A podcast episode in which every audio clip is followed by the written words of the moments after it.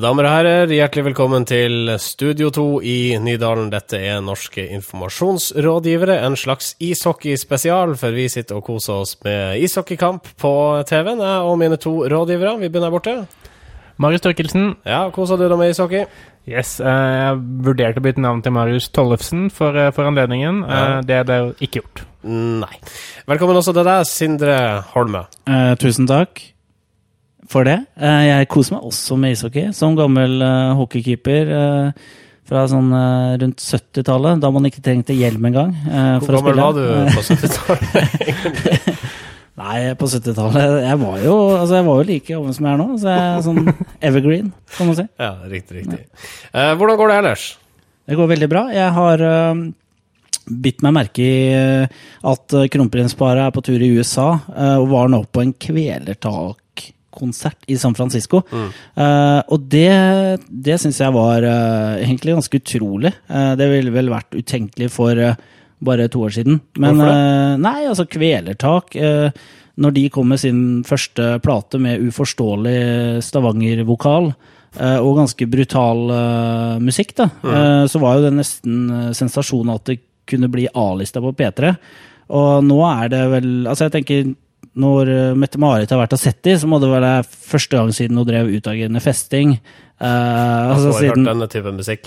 Ja, ja, ikke sant? Altså, Eh, På, på, den, på den konserten var vel også Jeg leste han James Hetfield, fra, altså vokalisten i Metallica. ja, han Det var visstnok ganske stort, det- de som er inne i den sjangeren. Det er veldig stort, det. Altså. Det er ikke hver dag han gidder å rikke seg ut av Ekornes-stresslesen eh, hjemme i Los Angeles. Okay. Det var- var visst litt som om JC skulle komme til å sette Carpe Diem. Uh, Det så jeg på Twitter. Ja, jeg så det Ja. på Twitter. Ja, det er et godt poeng. det? Det er jo det. Jeg husker ikke helt, men det var noen eh, Ja. velformulerte uh, Re vi retweeta en eller annen en, en, eh, som vi ikke vet hvem er akkurat nå. Ok, Uh, i dagens sending så skal vi få høre om NRK, blant annet. De raser på en ny omdømmemåling. Vi skal til regnskogen en tur. Ja vel? Og vi skal eh, se hva som skjer når leketøy blir sexsjåvinistiske. Visste dere forresten at dette her nesten er et slags jubileum? Nei. Er, det, er vi på nummer Er 30? Dette er NIR episode 30. Norske informasjonsrådgivere. Hvem vinner stortingsvalget til høsten, og hva foregår egentlig i den hemmelighetsfulle kommunikasjonsbransjen? Det er spørsmålene Henrik H. Langeland fabler om i boka 'Fyrsten', skriver NRK. For i denne underholdningsromanen så møter leserne antihelten og forretningsmannen Christian von der Hall, kanskje også kjent fra gjennombruddsromanen 'Wonderboy' fra 2003. Han er 47 år, fraskilt tenåringsfar, og er blitt administrerende direktør i et PR-byrå. Dette er spennende. Dette er vel det mest sånn populærkulturelle sånn impactet PR-bransjen har hatt på lenge. Eh, kanskje helt siden da eh, GK og Cindy Crawford på 1990-tallet. Um, denne boka har jo eh, fått veldig mye omtale denne uka. eh, og jeg hadde egentlig ikke tenkt, tenkt at vi skulle bidra til så veldig mye mer, men det kommer vi til å gjøre. Det er kanskje ikke så rart med tanke på de eh, historiene som har versert i media eh, vedrørende PR-bransjen den Ja. siste tida. Så det Den- var god timing, for å si det sånn. Ja, veldig god timing. Og den ble også lansert under landsmøtet til Høyre, og Høyre spiller jo en viktig rolle i denne boka. Mm. Dere har lest eh, i hvert fall deler av den, begge to. Hvordan eh, er det? Jeg er så langt uh, veldig fornøyd med det jeg har lest. Uh, jeg leste også Wonderboy, som var den første boka som Langeland skrev om denne karakteren. Uh, men nå som han har blitt PR-rådgiver og litt um, eldre, da, så er han ikke så gæren som han var, men samtidig en veldig god strateg. Og jeg syns det er også det er en, en god del sånne observasjoner som man kan kjenne seg igjen i. Blant annet skriver, eh, sier karakteren at uh, han har jo en eh, økonomibakgrunn. Denne karakteren har jobba i McKinsey, blant annet. Uh, og han sier at når de fleste PR-byråer snakker om strategi, så vet jeg egentlig ikke hva de snakker om. Og, og det er en sånn der observasjon som mange kan kjenne seg igjen i, da. For det, er Ja. Det er ikke alle som har, det, har den ballasten som de sier at de Du har har. da. Jeg har det. Ja. First House har uh, fått en rolle i denne boka også. Ja, uh, for uh, hovedkarakteren i boka, han, han jo, har jo økonomibakgrunn, men som PR-rådgiver og byråleder, så ønsker han å gå inn på den politiske are- arenaen. Og der vet vi at First House er ganske sterke i dag, og de, det kommer også tydelig fram i boka at det er hans uh, hovedfiende. Og rådgiverne i First House er jo også nevnt ved navn. Uh, og det gjør, gjør, jo boka på en måte litt sånn virkelighetsnær, selv om det er en del snarveier her og der. Ja, og det, det som jeg syns var litt interessant med det, var jo at uh, Beate Nossum hun ble jo også bedt om å uttale seg i en sak på NRK som handla om lanseringen av, av, boka hans. Beate Nossum, partner i First House. Stemmer. Og det hun sier i den saken som jeg syns er interessant, er at hun syns denne boka er et fint sånn verktøy for å belyse liksom det bransjen holder på med, og skape litt åpenhet. altså, ja. Den fiktive boka 'Fyrsten'? Ja, den fiktive boka 'Fyrsten' bidrar til å skape åpenhet. Uh, og Det er interessant, fordi uh, First House er kanskje en av de sånn, for fremste sånn, forfekterne av lukkethet i PR-bransjen. Altså, de foredrar uh, åpenhet i fiksjon, framfor at de bare kan være litt mer åpne om hva de gjør selv. Ja, når First House ble lansert, så gikk det jo høyt ut og sa at vi skal liksom stå for åpenhet og sånn, og så gikk de tilbake på det ganske kjapt etterpå. Uh, så nå står de jo for det motsatte, og det, det er jo Ja. Men faktisk da, så er jo Henrik Langeland og det han har sagt om PR-bransjen i forbindelse med lansering, har jo vært veldig bra for PR-bransjen. For han sier f.eks.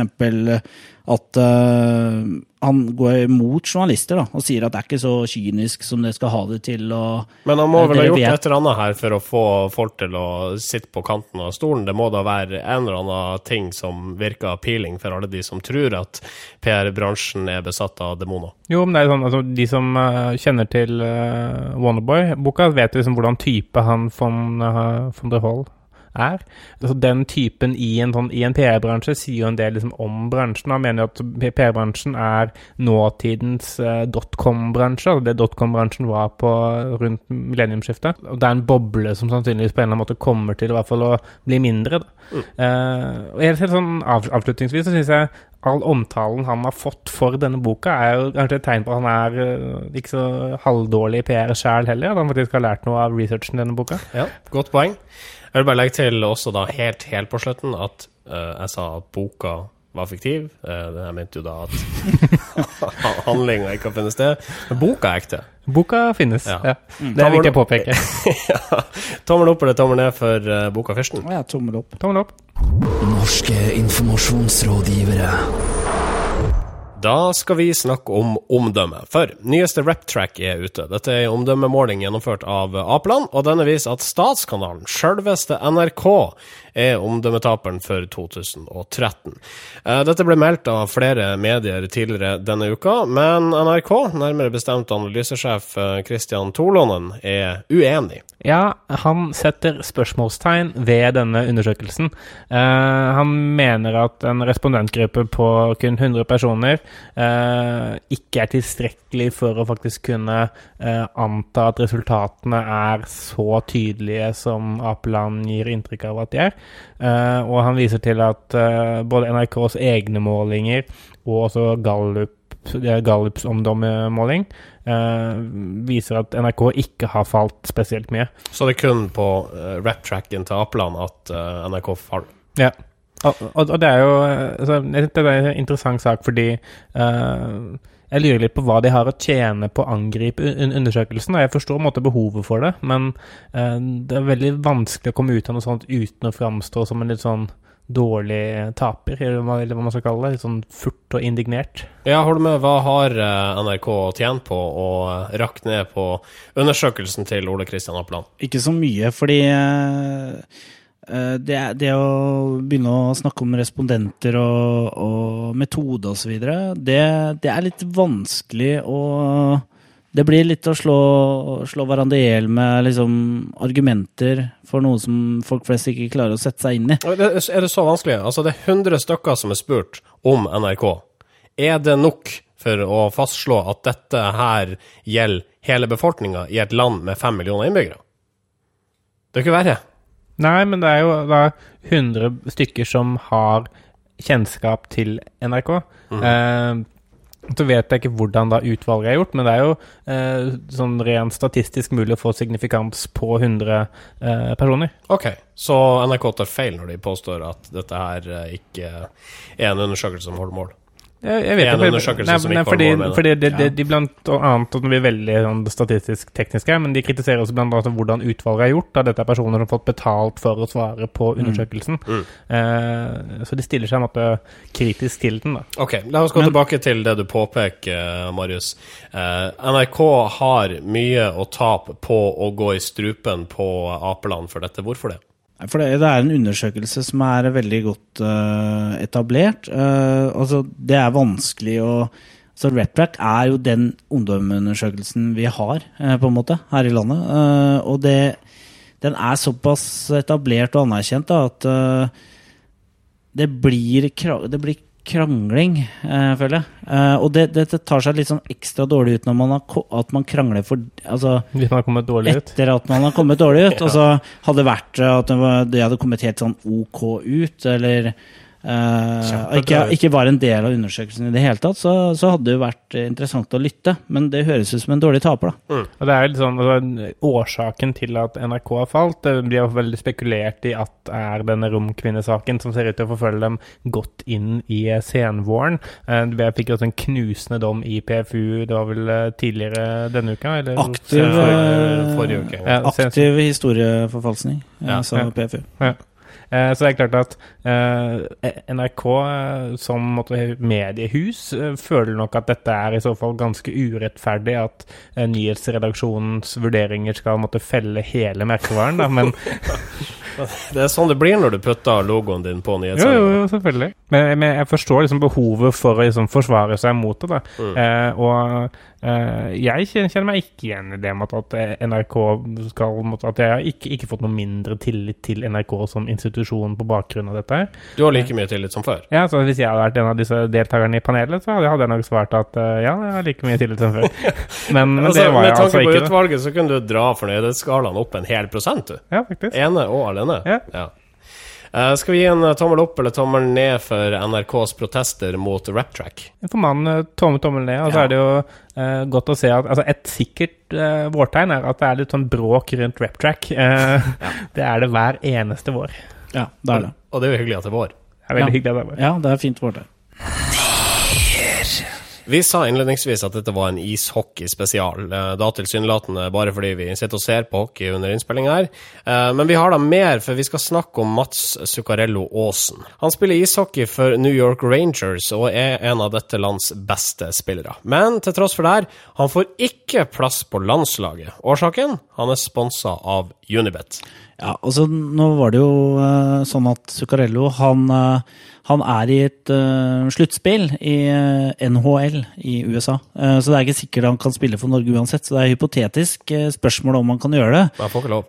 Men han får faktisk ikke lov uh, pga. han inngikk en sponsoravtale med Unibet. Og det klart, norsk idrett er veldig opptatt av Norsk Tipping. Det er veldig underdanig, kan man si. Eh, det så vi eh, i forbindelse med Fotballforbundet, at Ronny Johnsen eh, det er ikke populært at Ronny Johnsen eh, fronter Unibet, f.eks. Det sier Fotballforbundet osv. Så, videre. Eh, så i april, da, eh, sånn eh, rett opp mot eh, VM, så kom det jo eh, Så begynte det mm, reklamefilm for Unibet med Zuccarello. Eh, og én ting er jo at Zuccarello kanskje har fått litt eh, dårlig rådgivning. fordi vi vet jo uh, at eh, idretten ikke liker konkurrenter til Norsk Tipping. En annen ting er hvor langt Norsk Tipping og Hockeyforbundet kan gå i å blande seg i det sportslige. Ja, for det, altså. Zuccarello er sponsa av Unibet privat. Han spiller i Amerika til vanlig, Ja. eh, og blir da på bakgrunn av sin s- private sponsoravtale nekta adgang til landslaget, en arena der han for øvrig ikke skal fronte Unibet, for Nei. der skal han bære eh, dette lands drakter. Er dette så ille, da, at han er sponsa av en annen tippeleverandør enn vår egen uh, satellitt? Norsk Tipping opplever dette som illojalt, eh, fordi Norsk Tipping har vært elskverdig nok til å bidra med tippemidler til bygging av ishaller, eh, til bygging av alle mulige andre sportsanlegg. Eh, Derfor mener de at liksom, hockeyspillerne de skylder dem såpass at de skal i hvert fall ikke inngå avtale med konkurrenter. Så jeg ser for meg at Hockeyforbundet har blitt eh, ganske hardt presset fra Norsk Tipping for å ta affære i denne saken.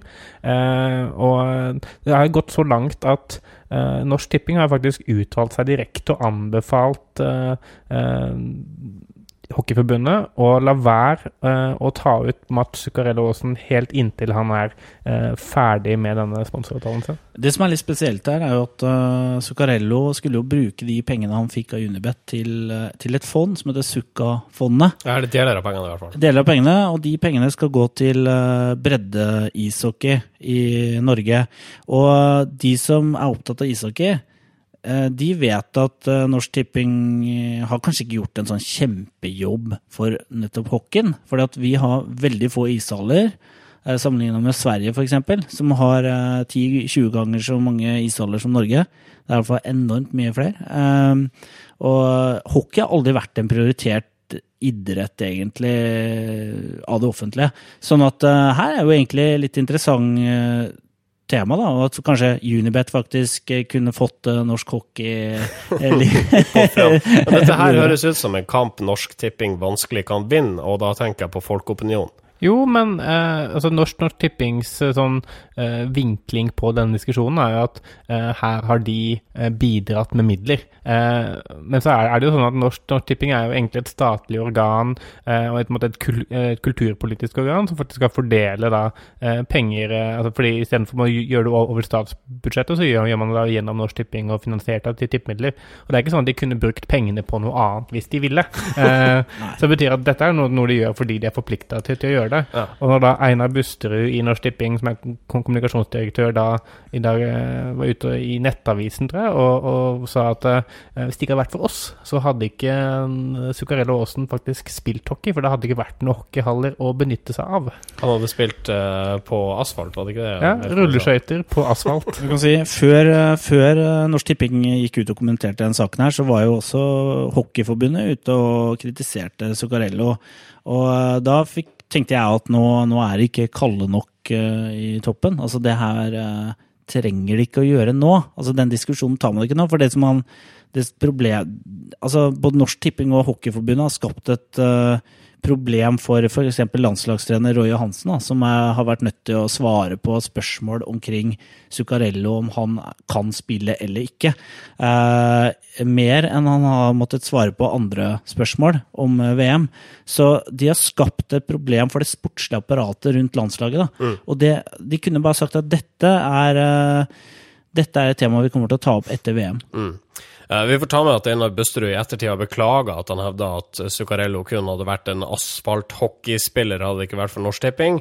Eh, Aasen skal også ha noe æren for egen eh, suksess, sier eh, Busterud til NRK. Tommel opp eller tommel ned for eh, Norsk Tipping i denne saken? Jeg må gi tommelen ned der, altså.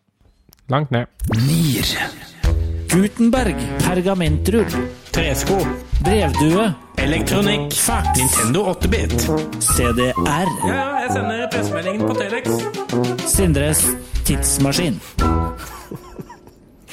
Ja, Hjertelig velkommen til den andre utgaven av Sindres tidsmaskin. Ja. Vi lar vel eh, bestyrer eh, Holme få Det er vel ordet. eh, jeg som skal ønske velkommen. Ja, du får gjøre det. Vi skrur nå inn tidsometeret, som jeg har kalt det. Eh, Vi skal til eh, 1965. Det er året da USA innleder eh, regulære krigshandlinger mot Nord-Vietnam. Det er samme året som Malcolm X blir drept, og Per Borten blir eh, statsminister i Norge. Riktig. Men vi bryr oss ikke så veldig mye om de tingene der. Nei, vi gjør egentlig ikke det. Uh, hvis, du, hvis vi går nå innom eh, eh, Sørensens tobakk og plukker med oss et eh, VG her, eh, så kan du bla til side 19. Ja. ja, det? Ja.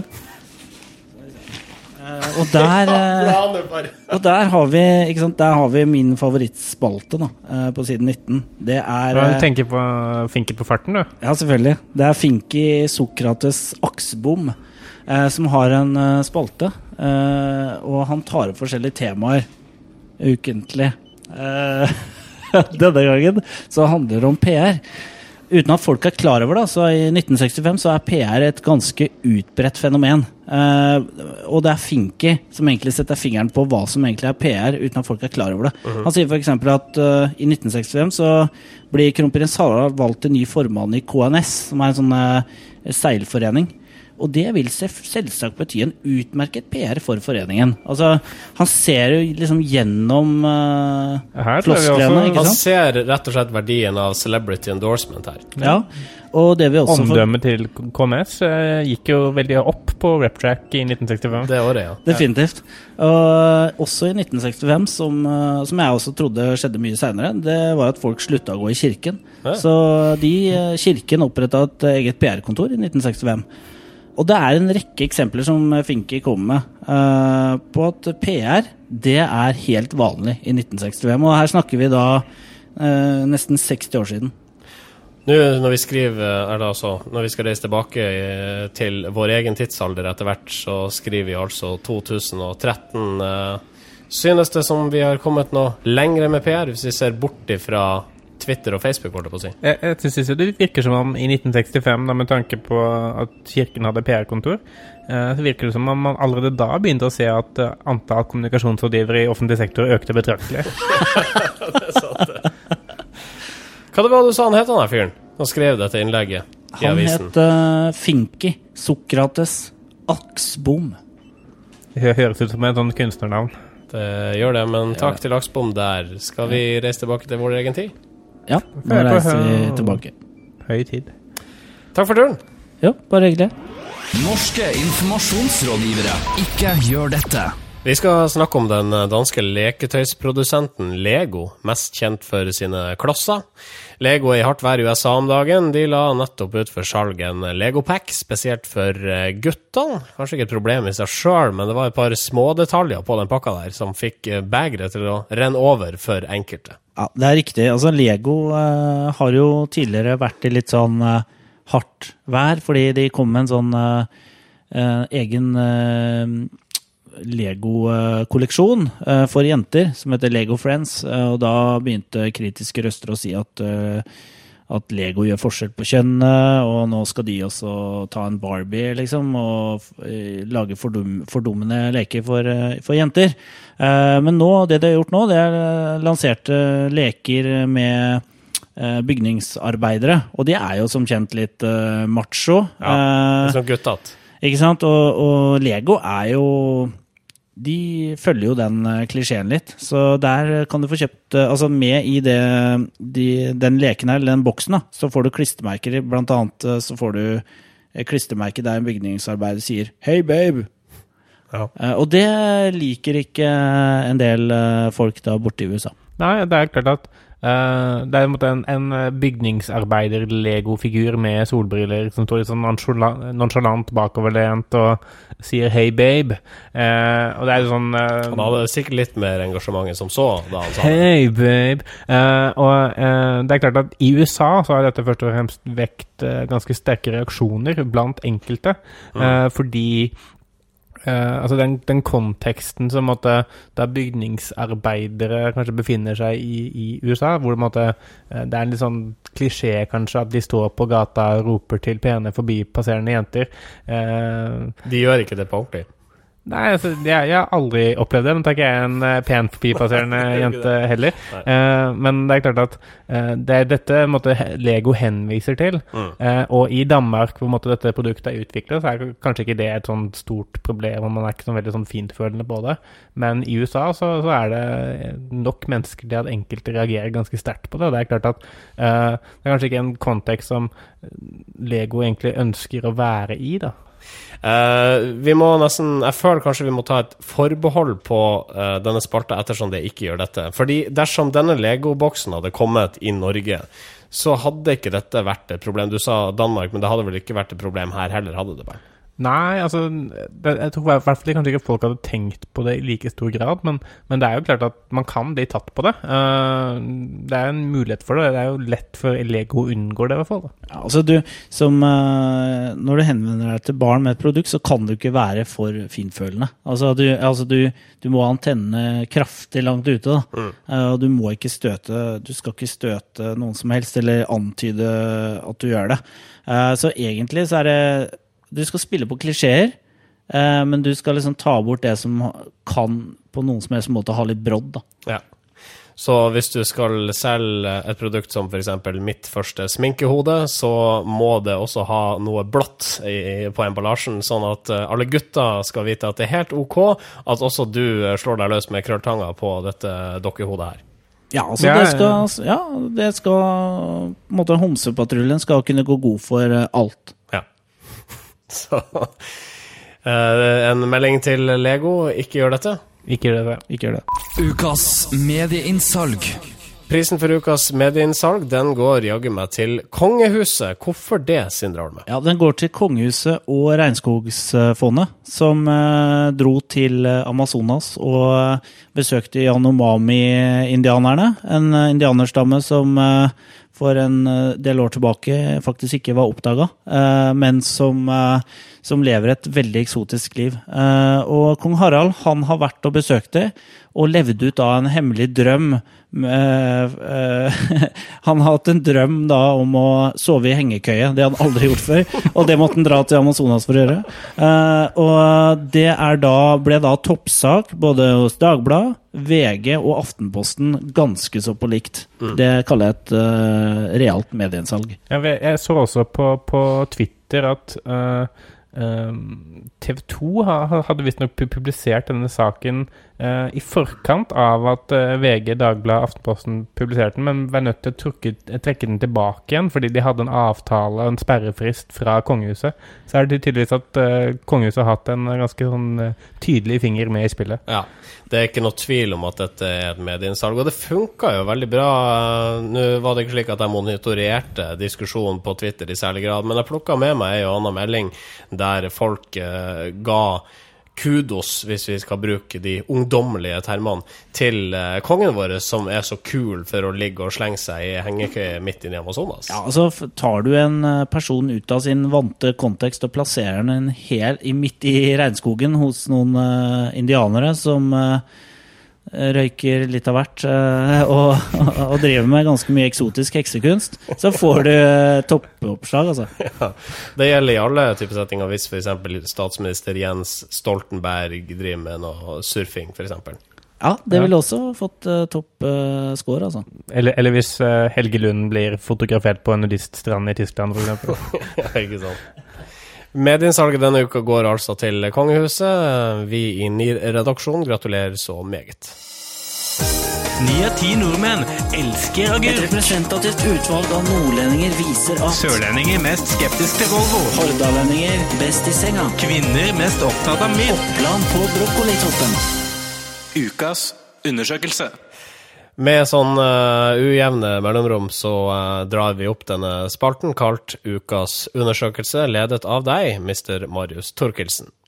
Det stemmer. Ehm, Jeg tråler jo mediene etter eh, denne PR-rådgiverens krykke, eh, som jo er undersøkelsen, eh, hvor man da gjør en litt sånn kvasi-undersøkelse, slenger på spørsmål på en, på en buss, for, for eksempel, for å få noe å selge inn til mediene. Ja, og hvis man får noe statistikk som virker oppsiktsvekkende, så vet man det at dette her er lett å selge inn til journalistene. Ja, det er det jo, om at i den grad statistikken faktisk er oppsiktsvekkende, eh, så er, så er jo undersøkelser en fin måte å gjøre det på. Denne spalten prøver kanskje å, belyse at det er ikke alle disse undersøkelsene som trykkes som er spesielt oppsiktsvekkende eller egentlig interessante, utover at det er en undersøkelse som viser en forskjell. Du har uh, funnet fram uh, til uh, et par undersøkelser fra eh, denne uka. Ja, det stemmer. Eh, Denne uka har vært en litt sånn stille spørreundersøkelsesuke. spørreundersøkelsesuke.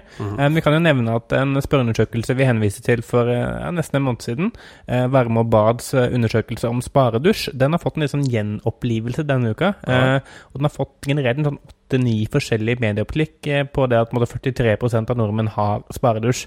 Eh, Det er bra for varme og bad. Det er veldig bra for eh, varme og bad. Uh, men uh, ukas undersøkelse, det er det Falk som står for. Uh, og de har gjort en undersøkelse på dette med etterstramming av hjulmuttere. Ja vel? Vi Eh, snakker om eh, altså biltauselskapet Falk, Ja. bare for å sette Ja, inn fordi kontekst. eh, de har jo sett dette at de må rykke ut en del ganger fordi folk eh, hjula faller av, rett og slett, fordi man etterstrømmer ikke hjulmutterne. Mm. Så har de gjort en undersøkelse som viser at en tredjedel av norske bileiere de glemmer å etterstrømme hjulmuttere. Det er også saken. Eh, Det høres så trivielt ut når du, når du presenterer eh, en nyhetssak i denne spalten. Ja, men det er litt sånn litt trivielt, og dette kan, kan jo få alvorlige eh, konsekvenser hvis man ikke gjør det, så er det bra at man eh, setter lys på det. Ja. Men eh, at denne saken nådde fram til eh, Halden Arbeiderblad, er likevel eh, imponerende nok til å få ukas undersøkelsesstempel. Altså, nå er jo Halden kanskje bilkjørerbyen eh, nummer én, da. Ja. Altså, vi kjenner jo godt til rånekulturen der, så, så det, er, det er god forbrukerinformasjon til rånerne i byen også, tenker jeg. Ja. Og dere husker å etterstramme dekkene, eh, folkens, og eh, prisen, eller hva vi nå egentlig gir for en ukas undersøkelse, går altså til Falk. Man, man har lov til å eh, utarbeide en logo, eh, ukas undersøkelseslogo, eh, og plassere den på nettsiden sin hvis man har vunnet den. Norske informasjonsrådgivere. Jeg tror det er første gang i NIRs historie at vi skal gi prisen for ukas kudos til en PR-rådgiver. For denne uka så er det Klaus Sonberg i Zynk som får den. Ja, det er fordi at eh, han har klart å infiltrere et av våre største mediehus. Han har blitt eh, rett og slett eh, styremedlem i TV 2. Og hvordan i alle dager klarer en PR-rådgiver, en, par, altså en parasitt, eh, å komme så høyt opp i et eh, mediehus? Det Det, ikke forstår vårt ord, det er ikke vårt ord, det er Nei, altså, nei, det, ja, Ja. nettopp. Ja, dette er jo fra, fra saken på journalisten som om, om, omtalte styret. Parasitt inn i TV 2-styret. Eh, godeste Sonberg, han eh, har jo vært journalist i TV 2 fra 92 til 96, Ja. så han har jo vært på den sida, da. Ja, det er jo klart det. Altså, før han måtte falt inn i de eh, mørkes eh, rekker eh, og spant seg til topp i norsk eh, næringsliv, eh, så var han jo journalist. Det er sikkert derfor også TV 2 måtte at han har et eh, godt kontaktnettverk der. Eh, men det er det er tøft eh, at han har eh, fått den rollen. Han, var også nominert til Årets konsulent, eh, sånn generelt sett på, en måte på tvers av alle bransjer. Kom, i- kom ikke til topps der, men var jo blant de tre beste. Mm. Så det er tydelig at han har gjort mye bra for seg sjøl i det Men- siste. Det sier jo også litt om at TV 2 er en eh, Det er ikke bare en eh, journalistisk eh, Altså, Det er ikke bare et mediehus, men det er også et kommersielt uh, selskap. Mm. Uh, for de bruker jo selvfølgelig mye PR-rådgivere, de også, eh, Klart for å promotere sine programmer. Så så snodig er det ikke, men det, det, det, er, det er godt gjort allikevel. Men, men nå har vi jo eh, både et, eh, en PR-rådgiver som eh, styremedlem i TV 2, og en tidligere kommunikasjonsdirektør som sjef for Norsk Journalistlag, så vi er på vei til å ta over. Altså. Dette her er gradvis Ja, filtrasjon, infiltrasjon, ass. Ja, ikke sant? Det er snart ikke uavhengig journalistikk igjen i dette landet. Nei, journalist skråstrek PR-rådgiver. Det Ja. vil nok være yrkestittelen til svært mange om få år. Ja, ikke sant? Grattis til Klaus Sonberg. Norske informasjonsrådgivere. Dagens eh, sending går mot eh, slutten. Sindre Holme, du har eh, prøvd deg som hobbykommentator for ishockeykampen her som går live i studio i mellomstrekkene. Du kan få prøve deg litt avslutningsvis. Ja, og der kommer en nordmann med pucken, ja. Han går inn i rundvantet der, og høy kølle, lav kølle. Eh, godt skudd, dårlig skudd, eh, bra redning, over vantet. Ja. Ja. Det eh, blir ikke like spennende hvis du ikke har contentum. Nei, altså det er noe med Ja, altså det er ikke helt Jon Hervig Karlsen-nivå, hvis dere husker han på 60-tallet. Så du holder det her i ni, du. Ja. Hold deg ned inntil videre, i hvert fall. eh, Og i det Altså, nå er jo Rune Brynildsen er jo en av disse ekspertkommentatorene i eh, Max sitt eh, hockeystudio, så det er jo en vei fra PR-bransjen til hockeykommentering, hockeykommentering. Så det er bare å holde deg på den, den veien du er på, og du gå videre. jobbe, du må jobbe litt med engasjementet. Jeg skal tørrtrene og prøve å få til litt tonefall, litt engasjement. Ja. Husk at du uh, kan følge oss på Facebook for våre høyst uh, urytmiske statusoppdateringer. Facebook.com slash Nearcast. Du kan sende oss en eh, e-post på nearcast.yahoo.com. Ja. Du kan lytte til oss i iTunes, men vi er også på Soundcloud, hvis du foretrekker det. Det er altså da soundcloud.com slash Nearcast. Og det er for øvrig en veldig fin app man kan bruke for å høre på dette hvis det er litt sånn vanskelig å gå inn via nettsider og sånn. ja, kult. Last ned. Mitt navn er Marius Stølen, Sindre Holme. Marius Torkelsen. og vi takker alle for i dag. Norske informasjonsrådgivere.